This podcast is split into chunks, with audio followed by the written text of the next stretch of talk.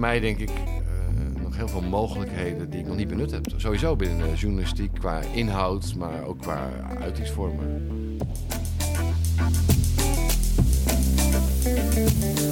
Je luistert naar de Pegel-podcast van Villa Media. We gaan op bezoek bij freelance journalisten met onze mobiele studio. We vragen hoe freelancers ruimte maken voor journalistiek die ze echt belangrijk vinden... en hoe ze ondertussen het hoofd boven water houden. Ik ben Sjoerd. En ik ben Erwin.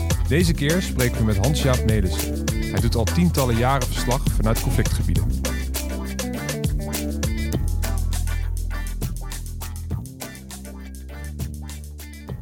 Kan je vertellen waar we nu zitten? We zitten in mijn woonkamer en dat is een uh, voormalig klaslokaal. Het is een gebouw uit 1881. En dat betekent dus ook dat het een heel hoog lokaal is met een entresol erin gebouwd. En we zitten aan de keukentafel. Ja, je zette net heel pontificaal uh, Jinek glazen op tafel. Dan ben ik wel benieuwd uh, waarom dat is. Nou, de eerste les uh, als het gaat om geld verdienen is dat je je niet moet laten afschepen bij een gesprek als je ergens aanschuift met het standaard cadeau. Bijvoorbeeld dat ze je meegeven. Hè. Dat kan, bij M is dat een zakje M&M's. bij Jinek is dat van alles en nog wat geweest, volgens mij. Ik heb glazen gehad. Ik heb ook een luchtbed ja. Dat is een vrij goedkope manier om mensen ja. af te schepen. Maar, maar ik, laat me, ik kom daar niet weg met alleen maar dat. Ja. Maar ook niet het bedrag volgens mij dat uh, een, een, man met een R ergens los in zijn naam uh, krijgt voor uh, zijn aanwezigheid bij dat soort shows. Ja, Petra. Petra, ja. Petra. hey, maar voor de paar luisteraars die jou, die jou niet, niet kennen, zeker, kun jij in een notendop vertellen wat jij, wat je doet? Ja, ja ik... ik, ik maak reclame voor mezelf als oorlogsverslaggever. Dus zo afficheer je jezelf. Uh, dat ben ik denk ik ook een groot deel van de tijd. Uh, nou is een freelance oorlogsverslaggever wel meer dan dat hij alleen maar hè, aan de frontlinie staat, in oorlogsgebieden is.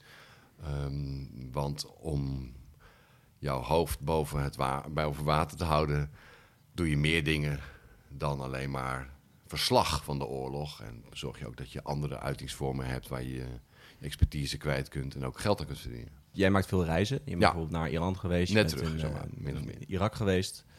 Um, lijkt me interessant om misschien in dit gesprek te ontdekken hoe je een uh, journalistieke reis kan maken naar een conflictgebied.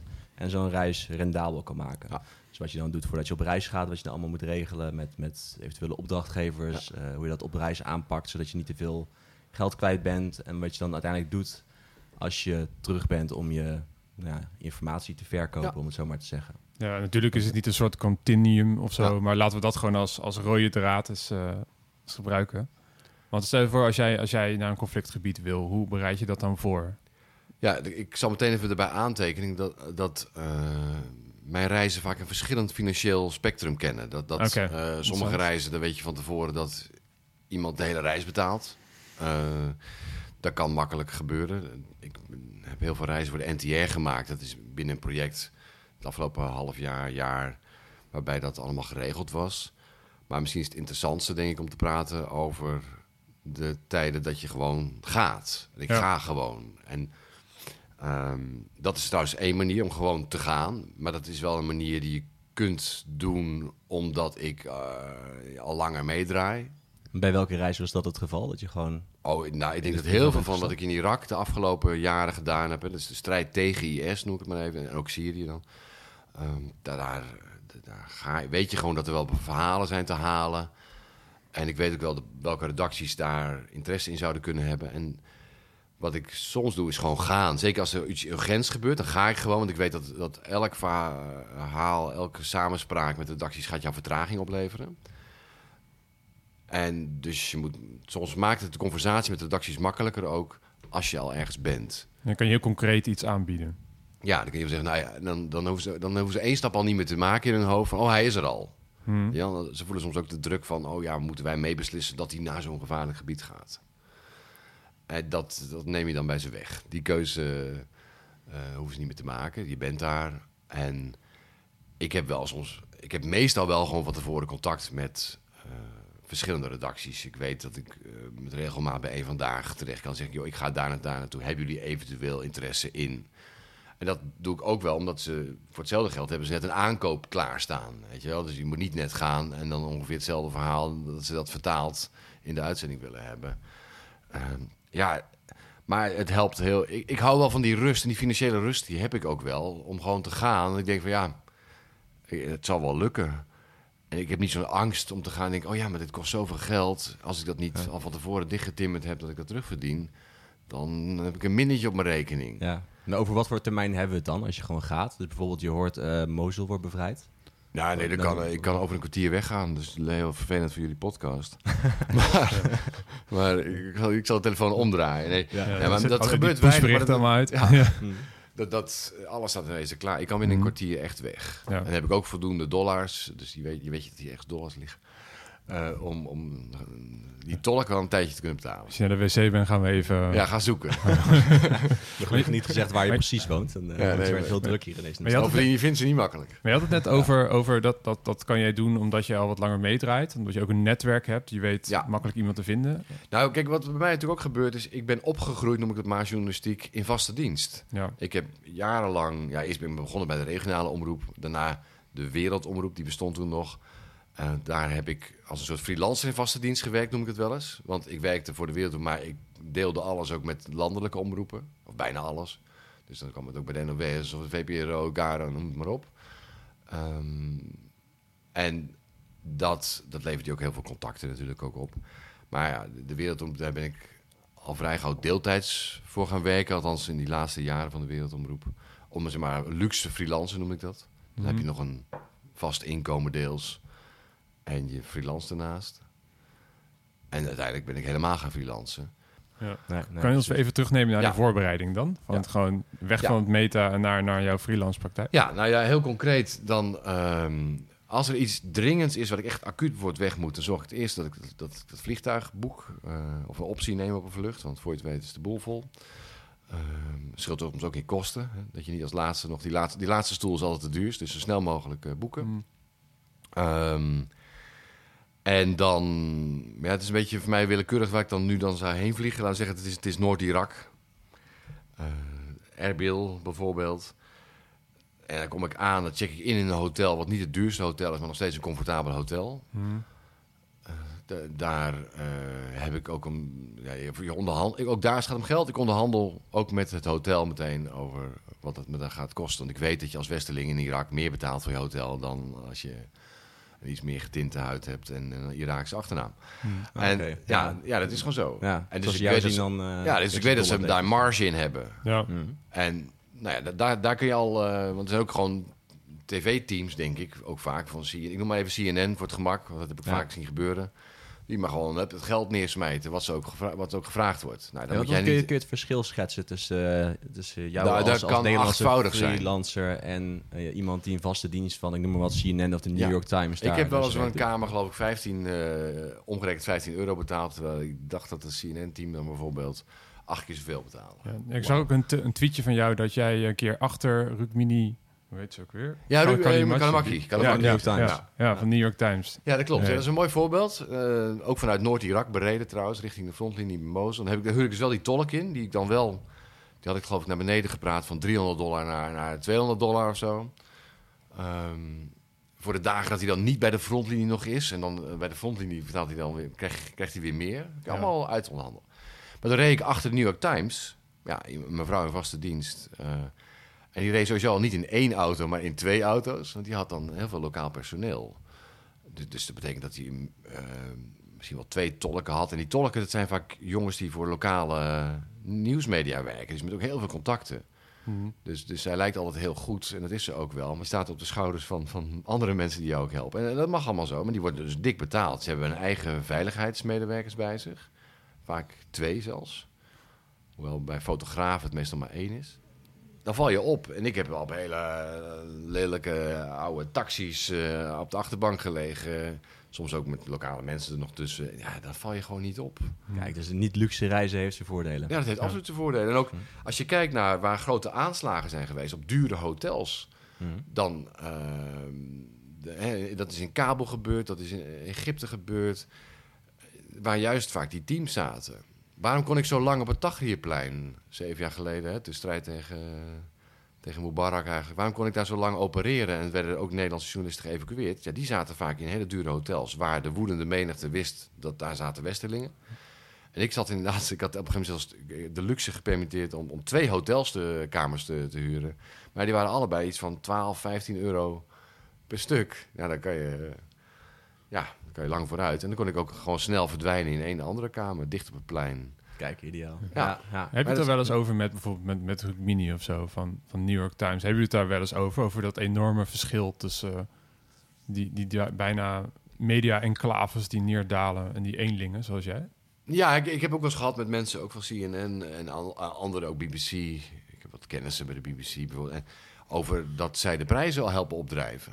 Hmm. Want als je zomaar met zo'n dik pakket, hun pakket dollars is veel dikker dan, dan, wat ik bij me heb. En als die maar gewoon daarmee rondsmijten, want het maakt toch niet uit. Uh, dan drijft dat de prijs ook voor de financiën op. Want het verwachtingspatroon bij, bij fixen, stolken is dan van... ja, al, wij gaan hier gewoon... Uh, wij zijn een soort wandelende pinautomaat. En, uh, ja, dan vragen we ook de hoogste prijs. En dat kunnen freelancers niet betalen. En, ook, en ik probeer het ook aan mijn tolken uit te leggen. Dat als zij ook willen, als het nog steeds belangrijk vinden dat het verhaal naar buiten komt... dan moet je ook de freelancers faciliteren. En ik moet zeggen, bijvoorbeeld ook in Noordoost-Syrië... waar uh, een Koerdische militie zit, waar je, waar je ook daar hebben ze dat best wel goed gedaan, vind ik. Daar passen ze dat serieus aan. Ook omdat ze het belangrijk vinden dat het verhaal naar buiten komt.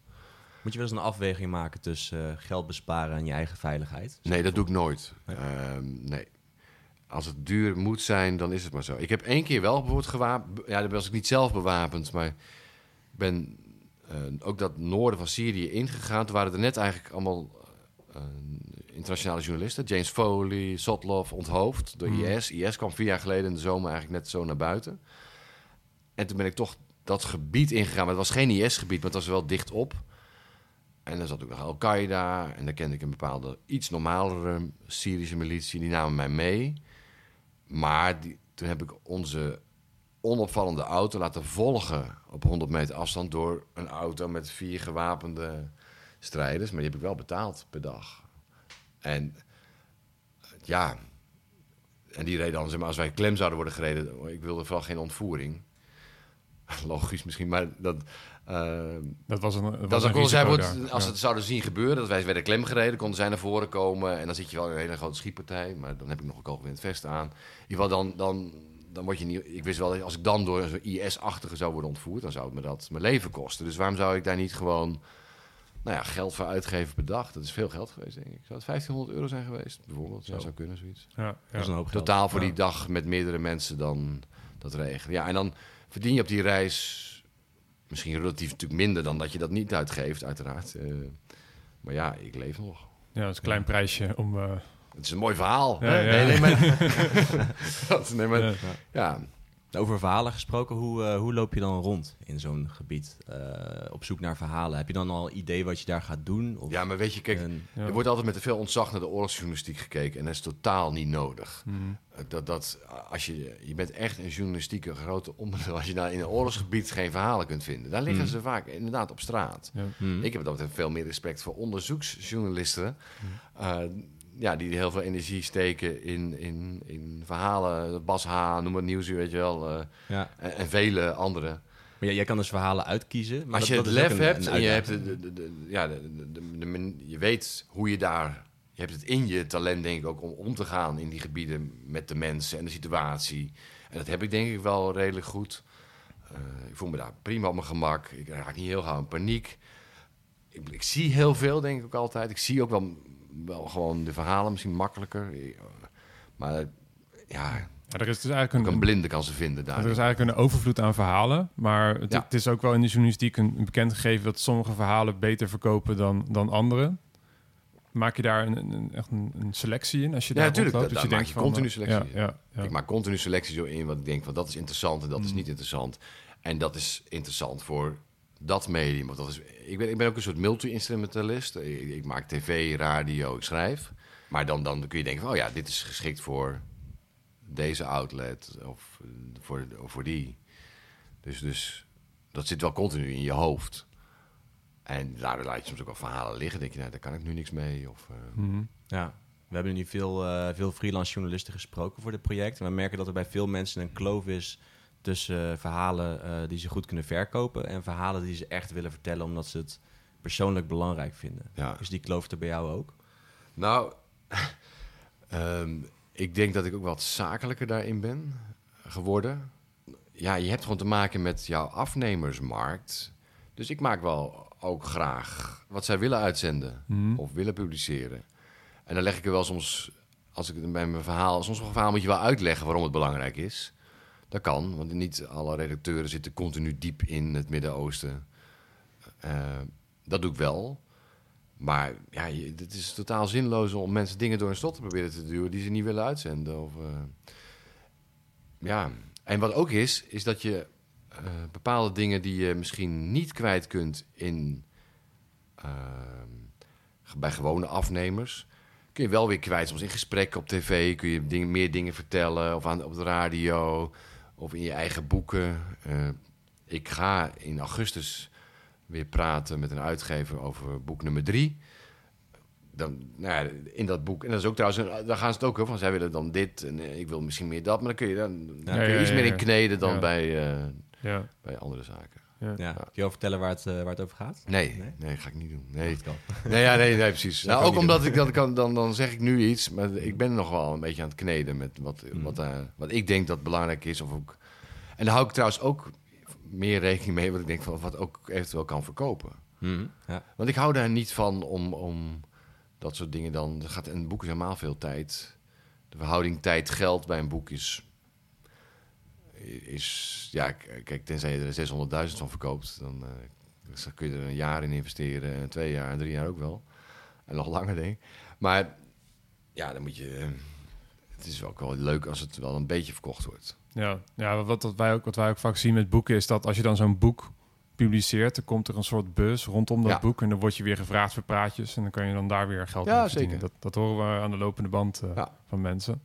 Ja, nee, ik, ik, ik- wat ik net in het begin ook zei, van ik leef niet alleen maar van verslag doen bij, bij een oorlogssituatie. Ja, Maar ook van, van presentaties. Het kan overal zijn. Op de gekste plek heb ik al gestaan. eh, kun je wel wat voorbeelden noemen? Nou ja, eh, van- de, van de Rotary eh, tot ja, scholen, universiteiten. Ja, gewoon soms mensen die een eigen clubje hebben en dan echt in eh, sprekers laten komen. Het stikt van de clubjes in Nederland, merk je dan. Eh, tot boekenleesclubjes, maar gewoon algemeen discussieclubjes. eh, Ja, maar weet ik veel, Klingendaal, dat is een ander clubje. ja. Noem het maar op. Mhm. Dus- je kunt je expertise... En dat doe ik vrij passief eigenlijk wel. Nee, je wordt gewoon benaderd. Wordt benaderd. Ja, ja. Ben je dan wel lid van een soort sprekersbureau of Nee, zo? nee. Nee. Nee, Ze heb komen ooit wel aangevraagd. Via, via je website of... eh, Ja, of via Twitter gewoon. eh. ja. En ik heb wel eens gedacht om dat actiever te gaan doen. Maar aan de andere kant ben ik soms bang dat ik dan weer reizen mee blokkeer. Dat is natuurlijk Mm. het andere. Hè? Als je afspraken maakt over drie maanden, treed je daar en daar. Ik noem dat optreden, maar treed je daar en daar op. ja. Dan Eh, ga je vertellen, ik ben oorlogsjournalist. Dat Nou ja, is ik kan natuurlijk wel heel ja. veel, veel doen met beeld en geluid. Ja, ja. En, eh, Je hebt ook heel veel een repertoire natuurlijk. Ja, aan. en, en, en- Ja. en dan gebruik ik ook wel de spannende video's. Er is zijn video's van mij met dat er net een autobom ontploft is in een schietpartij. En, en, en, en- of wat er gebeurd is in het begin van de revolutie, is dat ik uit de uitzending viel omdat ik bij het journaal aan de telefoon hing, terwijl er dan net op ons geschoten werd met granaten. Ja, dat heb En, ik eh, gezien, ja. ja. ja.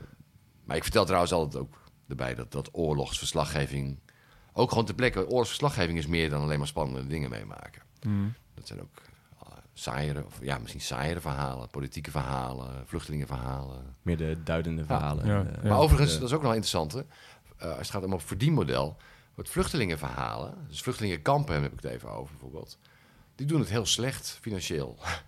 Ehm, veel kranten, tijdschriften, radio, noem het maar op, hebben liever volgens mij geen verhalen uit vluchtelingenkampen. Een algemeen verhaal van hoe het daar is en mijn tent lekt en ik heb er geen eten, wat trouwens niet waar is meestal, maar dat zeggen die mensen. Dat, klaagverhalen Ja. zijn dat meestal. En het is niet leuk in de vluchtelingenkamp, maar het is ook helemaal niet leuk om, dat wordt de quote bovenaan het artikel, Ehm, het is ook helemaal niet leuk om er verslag van te doen. Nee, Want je kunt het bijna niet wegkrijgen. Mhm. Want dat, mensen willen dat niet meer. Die zijn ook inwisselbaar. Een vluchtelingenkamp in de wereld is. Als je het gewoon maakt als verhaal, ja, het is daar niet leuk. En Ja. mensen zitten hier. Ik denk dat had op meerdere plekken kunnen zijn. Ja. Ja. Ja. Maar dan moet je dus op zoek naar een specifiek verhaal. Bijvoorbeeld de slag om Mosul. Ja, daar heb ik al meerdere dingen gedaan. Ook eh, vanuit het strijdersperspectief. En, en, en ook wel, wel ook weer mijn perspectief daarop. Want ik denk van, is dit zijn deze mensen efficiënt aan het strijden? Ehm, Mhm. En worden ze als bevrijders onthaald of zijn ze toch nieuwe bezetters? Dat is een element dat daar gespeeld heeft. Ook wel ook, eh, ehm, waarom sommige mensen niet vluchten, dat is ook een interessante. Uh, omdat ze bang waren voor hun bevrijders bijvoorbeeld. Dat ze dan dachten van, worden als ook mee heulend met IS aangezien. Dus je kunt allerlei varianten wel bedenken die dan toch met vluchten voor te maken hebben. Ja, in allerlei invalshoeken. Ja, en zo moet je ook blijven denken als, als freelance. Maar dat is trouwens, zo moet je denken als journalist. Gewoon vaste dienst of freelance, dat maakt niet uit natuurlijk. Ja. Wat ik interessant vind aan jouw werk is dat je ook veel uh, gebruik maakt van nieuwe technologie. Ja. Bijvoorbeeld uh, eh, 360 graden video. Ja. Um, doe je dat veel nog steeds? Ja, op het moment wat minder weer. Uh, het was op een gegeven moment nieuw en ik was een van de pioniers, denk ik wel, zeker journalistiek gezien. Ik was daarvoor benaderd door een bedrijfje dat zei van ja, misschien is dat wat voor jou. Oh, wat voor bedrijfje was dat dan? Scopic. In Amsterdam, een start-up, zat ook echt in de kelder van een van de... Uh, waar, je, waar je een start-up verwacht, zeg maar. Ja, zo, zoals dat was een klassieke start-up beeld. Uh, ja. hadden we eigenlijk moeten filmen. Maar dat... Ja, en die zeiden van ja, dat is misschien wel leuk voor de frontlinie. Je kunt mensen meenemen naar plekken waar ze anders nooit komen. En meer meenemen dan op gewoon beeld. En daarin heb ik één keer eh, een subsidie gehad uh, van het Fonds Bijzondere Journalistieke Projecten. En voor de rest is de KRO-NCV daar wel vrij gauw ingesprongen. Die zijn veel met innovatie bezig. Nu nog. En ook al jaren geleden. je had het net over Brandpunt Plus. ja, Brandpunt uh, Plus. Of voorloper daarvan. Daar gewoon de, de, hun digitale kant. Die waren eigenlijk meteen enthousiast, hebben er ook in geïnvesteerd. Ook omdat de N360 graden video was in het begin, zo snel gaat techniek, veel duurder dan nu. Want nu heb je makkelijkere camera's waarbij je mm. niet meer uren hoeft te stitchen, de beelden aan elkaar plakken. Ja. Uh, maar dat hebben zij opgepikt. En daar hebben wij best wel, ja... Wat heb je eraan als freelance journalist als je het uh, bedrijfsmatig bekijkt? Is het iets uh, wat jou, uh, waarmee je onderscheidt van andere journalisten? Is het iets wat je goed kan verkopen? Nou ja, op dat moment kon je dat goed verkopen. Want ik was dan geen radio- of tv-concurrent. Er was een nieuw iets en dat was ik dan die dat deed. En er was niet iemand anders ook nog op dat moment die dat aanbood... om dat in de oorlog te gaan doen. Als je dan met die techniek aan de gang wilt... ja, dan ben ik het. Voor zulke soort gebieden. Ik ben er niet meer heel erg nu mee bezig om dat bij andere mensen te promoten. Hmm. Omdat ik weer andere dingen, gewone radio, tv, schrijven, mijn geld verdien... Ja. En er liggen nog voor mij, denk ik, uh, nog heel veel mogelijkheden die ik nog niet benut heb. Sowieso binnen de journalistiek qua inhoud, maar ook qua uitingsvormen. Ik zie, nog, ik zie nog steeds bijna. Ik kan ook aan het eind plakken van de podcast. ja, Moet je afsluiten. Ik zie, ik zie, gewoon heel veel mogelijkheden nog steeds. Ja, van, ja. Ah, het is wel leuk dat je dat zegt, want uh, veel, veel journalisten zien die mogelijkheden juist krimpen. Ja. In de journalistiek. Ja, van wat minder, er is minder geld. Ja.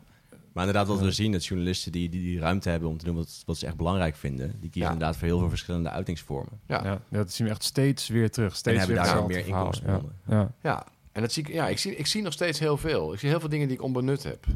En, Wat zijn nou voorbeelden daarvan? Nou, dat kan, nee, maar dat kan dat is op alle, alle vlakken eigenlijk. Dat gaat dan zelfs over presentaties geven, hmm. omroepen, buitenlandse omroepen of kranten bijvoorbeeld. Waar ik ooit als contact. Ja, maar weinig eigenlijk. VRT nog als dingen. Ja, ik, soms vergeet ik ook waar ik allemaal voor werk hoor. Dan denk ik aan het eind van het jaar. Oh, kijk. ja. ja, dat is goed. Ik heb veel verschillende opdrachtgevers. Maar ik vind het wel soms, dat vind ik wel een nadeel van freelancen.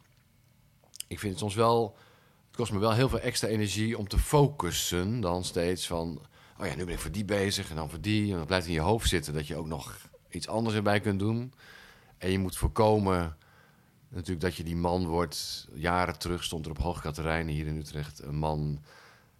Hij is al inmiddels overleden met, met zo'n trommel op zijn rug en een mondharmonica zo voor zijn mond gehangen en bekkens tussen zijn benen, geloof ik. En, en weet ik wat hij nog een toetsenbord had. Zo'n one-man band. Ja, die was een one-man band die dan alles tegelijk bespeelt. En bij hem klonk het in ieder geval nooit echt goed. en, dat, dan moet je denk ik voorkomen. Dat, dat je wel focust op, je bent nu radio aan het doen.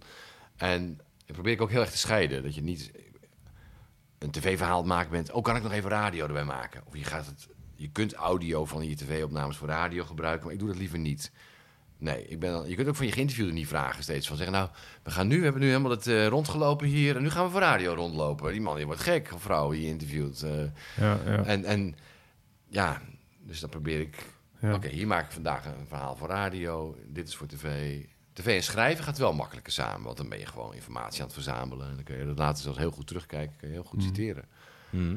Maar nou, zo word je daar wijzer in. Ja, het is interessant dat jij, jouw basishouding is, is heel zakelijk. Blijft heel zakelijk ook. Dus als jij bijvoorbeeld ehm, voor Radio 1 een vork zou doen of zo...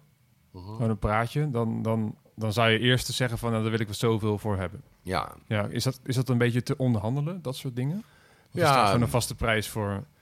Ja, bij, bij, bij, ook ja, bij, ja, bij sommige omroepen staat er gewoon vaste prijs voor. Hmm. Bij sommige omroepen heb ik een vaste prijs voor wat ik doe. Het is, zijn geen, geen exorbitante bedragen natuurlijk bij elkaar. Dat soort, bij de omroepen. Die, dit, dit, vak doe je niet om er heel erg rijk van te worden. Maar ik lever tot nu toe, hè, zeg ik er steeds bij, leef ik er prima van. Uh, en als je alleen maar voor de omroepen zou werken en geen lezingen zou geven en dergelijke, zou je dan van het vak kunnen leven? Tot nu toe wel. Ja. Is toch dat netwerk, denk ik dan. Ja, dat is net... je, als je, want, uh, ja, maar ik doe meer dingen nog, hè, want uh, ik denk ook heel veel dingen blijven onzichtbaar. Ik heb de afgelopen jaren ook best wel veel achter de schermen gedaan, ook nog bij omroepen. Uh, en dan staat niet altijd je naam erbij. Mm dat kan ook organisatorisch zijn of dingen helpen opzetten. Bij de NTR bijvoorbeeld ook gedaan. Trouwens, ik heb ook nu juist een inhoudelijk project bij de NTR achter de rug, een Midden-Oosten project dat, dat hoort er ook bij. Uh, ik, of commerciële dingen. Ehm. Wat doe je voor commerciële dingen? Nou ja, kijk, eh, ja, de commerciële dingen zijn natuurlijk vrij ruim. Hè? Ik bedoel, uh, ja, lezingen zijn natuurlijk commerciële dingen over het algemeen. Ja. Ik heb als wat onderzoeksdingen ook nog wel gedaan. Ik heb ook eens trainingen gegeven, veiligheidstraining. Aan mensen gewoon die dan nou, op pad moesten naar een, wat zij toen al een gebied vonden. Ik van dacht van, oh, is dat ook al een gebied? nou dacht ik wel van, oh, dat mhm. is de markt eigenlijk groter voor veiligheidstraining als je het al vrij gauw in één gebied vindt. Ja, ja. De gemiddelde Nederlander vindt, denk ik, uh, s'avonds, zeg ik altijd een beetje spottend, s'avonds laat met de caravan uh, op een camping aankomen die al vol is, al vrij gauw een enge onderneming. Waar gaan we slapen? Hè? Ja, ja, ja, nou ja, dat is dan uh, misschien die sleurhut van je op een parkeerplaats, maar dat kan heel eng zijn. Maar goed, nee, dat, dat, uh, ja, zijn het de dingen die mij, eh, mij dichtst bij mijn hart liggen of zo? Nee, niet. Maar ik kan dat wel, denk ik. Uh, en, en, zo zie ik altijd weer dingen. Ik, ik, ik, weet je wat, ik, ik heb trouwens een eerste graads lesbevoegdheid. Ik heb ooit Engels nog even gauw... Nou, ik heb Engels met Amerikanistiek gestudeerd. Mm Deels bij de heer Van Rossum, hier niet al te ver vandaan woont. Mm uh, die, daar, daar zou ik ook nog daarna heb ik dus eerst gratis lesbevoegdheid gehad. Dat kon nog een jaar. Ook als een soort reserveparachute die je bij je draagt. Want ik kan, dan zou je dus op een middelbare school kunnen lesgeven. Dat heeft niet zo mijn ambitie. Maar je, kunt wel, je staat wel iets duidelijker in je papieren. Als je nog bij een HBO wil lesgeven en je hebt dat soort bevoegdheden. Ja. En dat noem ik als een soort noodparachute. Kan, nou ja. Maar dat zou je ook wel in instituten verder kunnen doen. En dat doe ik af en toe. Ik geef gastcolleges over mijn werk. Op universiteiten, hogescholen. Ja. Uh, gewone middelbare scholen soms ook, weet je wel. Uh, wanneer is iets uh, niet journalistiek meer in jouw beleving? Je kan het heel, heel ruim bekijken natuurlijk. Van oké, ik doe onderzoek vanuit een onafhankelijke positie. Ja. Daarmee vergaar ik informatie. En die informatie die verspreid ik op allerlei verschillende manieren. Wat is dan nog wel journalistiek en wat is dan niet journalistiek? Bijvoorbeeld een lezing, is dat journalistiek? Ja, vind, ja dat vind ik nog wel journalistiek werken. Kijk, het is anders als een commercieel instituut jou vraagt onderzoek te gaan doen. Dan maak jij een onderzoeksrapport voor dat instituut. Het ligt een beetje aan hoe vrij je daarin bent, denk ik. Dat zou ook nog, ja, ja dat, dat noem ik gewoon commercieel onderzoek doen. Maar, maar het maakt niet zoveel uit wat ik het noem ook, denk ik. Nee, nee, nee, nee precies. En, ja, de reden waarom ik het vraag, want uh, inderdaad, is een soort patroon dat wij zien bij, bij veel journalisten, is dat ze op allerlei, nou ja, allerlei uitingsvormen hebben. Ja als je dat dan weer vertelt aan bijvoorbeeld startend journalisten en je hebt het over lezingen, dan zeggen ze gelijk van dat is geen journalistiek. Dus dit, is geen, dit is geen goede tip. Waarom zou ik dit doen? Ik wil journalist worden. Oh, Zo'n soort reactie krijg je dan. Wat zou je eigenlijk aanraden um, om even eenmaal terug te gaan naar zo'n een beginnende journalist die, die wil uh, ook naar conflictgebieden en die wil die verhalen vertellen. En de instapwaarde van dit soort journalistiek is natuurlijk heel hoog. Want als je die reis gaat maken, dan moet je die, moet je die fixes regelen. En je moet het geld betalen voor beveiliging bijvoorbeeld in bepaalde momenten. Hoe zou jij het nu aanpakken als jij nu, uh, als jij nu echt, echt 30 jaar jonger was? In, in, in het huidige, huidige journalistieke landschap, waarin je dus geen vaste baan meestal hebt. Een freelancer. Dat zou ik heel moeilijk vinden. Dat, dat, daar heb ik er vaker over nagedacht. Ook omdat ik dan jonge freelance journalisten zie. Ja, die misschien moet je wel eerst, misschien moet je wel niet beginnen in de oorlog. Mm en, en sommige fotografen denken dan dat ze heel goed naam kunnen maken. Want die wachten dan op die spectaculaire foto die de hele wereld rondgaat. En dan wil iedereen je hebben. Dat is trouwens nog de vraag of je dan heel veel geld gaat verdienen. Ja, willen James Nachtwey worden. Ja, bijvoorbeeld. Ja. de keuze is niet altijd alleen maar aan, aan de jonge journalist om ergens naartoe te gaan te denken van ja, ik word af, mijn werk wordt dan ook afgenomen. Mhm. De, er zijn heel veel opdrachtgevers, zeker ook nadat jonge journalisten zijn doodgegaan in oorlogsgebieden, die zeggen van wij willen niet meer werken met voor ons onbekende jonge journalisten die alleen maar even opduiken, een nieuwe naam, die zit al in Syrië en die biedt zijn werk aan. Dat willen ze niet. Ze willen eigenlijk al dat ze jou eerder hebben gezien. Ze willen al Ja. kennis hebben gemaakt. Ja. Dus, dus zomaar het vliegtuig pakken en ergens naartoe gaan en dan werk gaan aanbieden, dat werkt voor jonge journalisten niet. Voor mij werkt het meestal wel. Ja, Ja, precies. ja. Dan komt dat er Ja, voort uit een echt. soort verantwoordelijkheidsgevoel vanuit die opdrachtgever. Ja, dan, dan willen zij. Ze weten gewoon ook niet met wie ze van doen hebben. En dan, Ja. ja, ik heb wel eens geld verdiend aan een verhaal juist over hoeveel gekken er verschenen in oorlogsgebieden. Gekken die zich uitgaven als journalist Ja. en niet in orde waren ook echt. Letterlijk niet. Gewoon mensen die ook eh, ontsnapt waren uit een inrichting of zo. Hmm. En, en dat, zij willen niet dat ze met zo iemand in zee gaan. Eh, Ze willen ook je journalistieke betrouwbaarheid überhaupt. Van ben je een goede journalist? Kennen. Maar ook, ja, ze willen ook niet natuurlijk geconfronteerd worden met een dode journalist. Waarbij ze ook misschien financieel verantwoordelijk zijn. Want wat namelijk een, een, een valkuil daarbij is, is dat je. Eh, Want dat heb ik ook zien gebeuren, bijvoorbeeld in het begin van die Arabische revoluties. Toen kwamen er heel veel jonge journalisten. hè, Want het was ook heel makkelijk, want het was goedkoop vliegen naar Zuid-Turkije bijvoorbeeld. Ja. Hmm. Dat ja. kost bijna niks. Turkish Airlines, ik zal even reclame maken, kun je goedkoop mee vliegen. Hebben ze een En- reis betaald of niet? Ja. Goede lunches. Nee hoor, ze hebben wel eens mijn koffer kwijtgemaakt. Zelfs twee keer op één reis. Oh, nee. Dus, nou, maar dat moet je dan ook accepteren. Ik zei wel eens, voor de jonge journalisten... is naar Syrië gaan, was dat op een gegeven moment... Hè, toen het nog makkelijker kon, 2012 wordt... was goedkoper dan thuis blijven. Want thuis moet je gewoon naar de Albert Heijn. Moet je zelf betalen. Maar Mhm. daar werd het eten gewoon voor je geserveerd. Als je die vlucht kon overleven, zeg maar... Hè, die 300 euro die het soms misschien maar kosten... dan, dan eh, was het vrij gauw goedkoper om op reis te gaan. Ja. Nou, als je dan nog een paar eh itempjes verkoopt. eh. Ja, dus het hoeft niet heel duur te zijn. nee, maar dat is vaak, dat kan dan wel op een manier zijn die journalistiek ja. gevaarlijk Ten koste van je is. Ja, en dat moet je onafhankelijkheid. dus niet doen. Ja. En daarom zeg ik al, bij jonge journalisten is dat denk ik heel erg zoeken. Ik ken ook eigenlijk weinig oorlogsjournalisten die jong zijn en financieel succesvol. Is dat niet een heel groot probleem? Want, want jij bent 50. Ja, Op een gegeven moment dan, eh, dan val je ook om. ja maar dat is wel, ik, ik mag nu tot 68 doorgaan. Hè? Op de rijpe leeftijd van, eh, van 120, eh, dan Ja. kan je niet meer naar Syrië. Dus dan, wat blijft er dan over als zijn jouw deze woorden. dat zijn zeker mijn woorden. Ja, nee, nee, ja, nee dat, dat, dat is zo. Eh, maar goed, er zijn wel mensen natuurlijk in vaste dienst ook nog wel die eh, het ook doen. Mhm. En ja, nee, dat. Maar wat na mij komt. Na mij de zondvloed. Ja, ja nee, dat, ik, ik maak me wel zorgen over de journalistiek sowieso wel natuurlijk. Over eh, dat het verdienmodel ingewikkelder wordt voor de jonge generatie. Ja, Ja, alleen ja. dat is niet mijn probleem. Hè, verder. Nee. Ja. Maar hopelijk heb je ze met deze podcast geïnspireerd Ik hoop het. om het eh, misschien wat breder aan te pakken. Ja. ja, ja, ja, daarom- kijk, breed aanpakken is natuurlijk wel dat je... ehm, je moet ook... Kan jij na je eerste reis een lezing geven? Weet je, ja, je moet Mhm. soms ook wel veel expertise hebben opgebouwd of trainingen geven. Dat is, ja, ervaring is ook dus veel er zit waard. natuurlijk een hele rare eh, balans in van... Ja, je moet wel eerst ervaring opdoen, wil je ergens voor gevraagd worden. Maar ja, je hebt nog geen ervaring. Nou, Mhm. dus, maar ik hoop... eh, Het is in ieder geval wel fijn om dat perspectief te hebben. Ja. Dat je in ieder geval weet dat je naar zo'n soort model toe kan ja. bouwen. En ik hoop dat als jonge journalisten gaan, dat ze niet onnodige risico's nemen... omdat ze denken, ja, ik moet mijn reis terugverdienen. Je moet Mhm. die houding echt niet hebben, want dan ga je daar eh, heel jong bij dood. Ja, ja.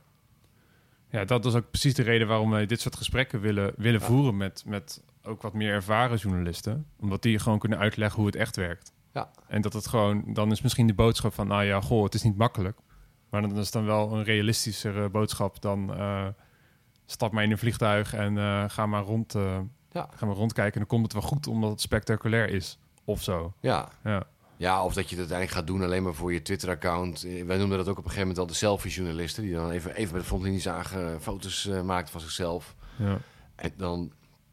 Ik denk dat ze daar misschien niet veel opdrachten aan over hebben gehouden... maar wellicht waren er... eh het waren vaak jongens die dat deden. Misschien waren het de meisjes die daar eh enorme verwondering van hadden. Nou, dan levert het ook wat op. Ja. Nee, maar ja, ik weet niet waarom ze dat doen. Ik denk- Soms, wij zeiden dat wel eens gekscherend van... Ja, dit is een beetje om indruk te maken. Ja, het lijkt me een mooie, mooie noot eh, om mee af te sluiten. Ja, Zeker. Ja. Dankjewel uh, dat Ja. we langs mochten komen. Ja, Ja, heel erg bedankt.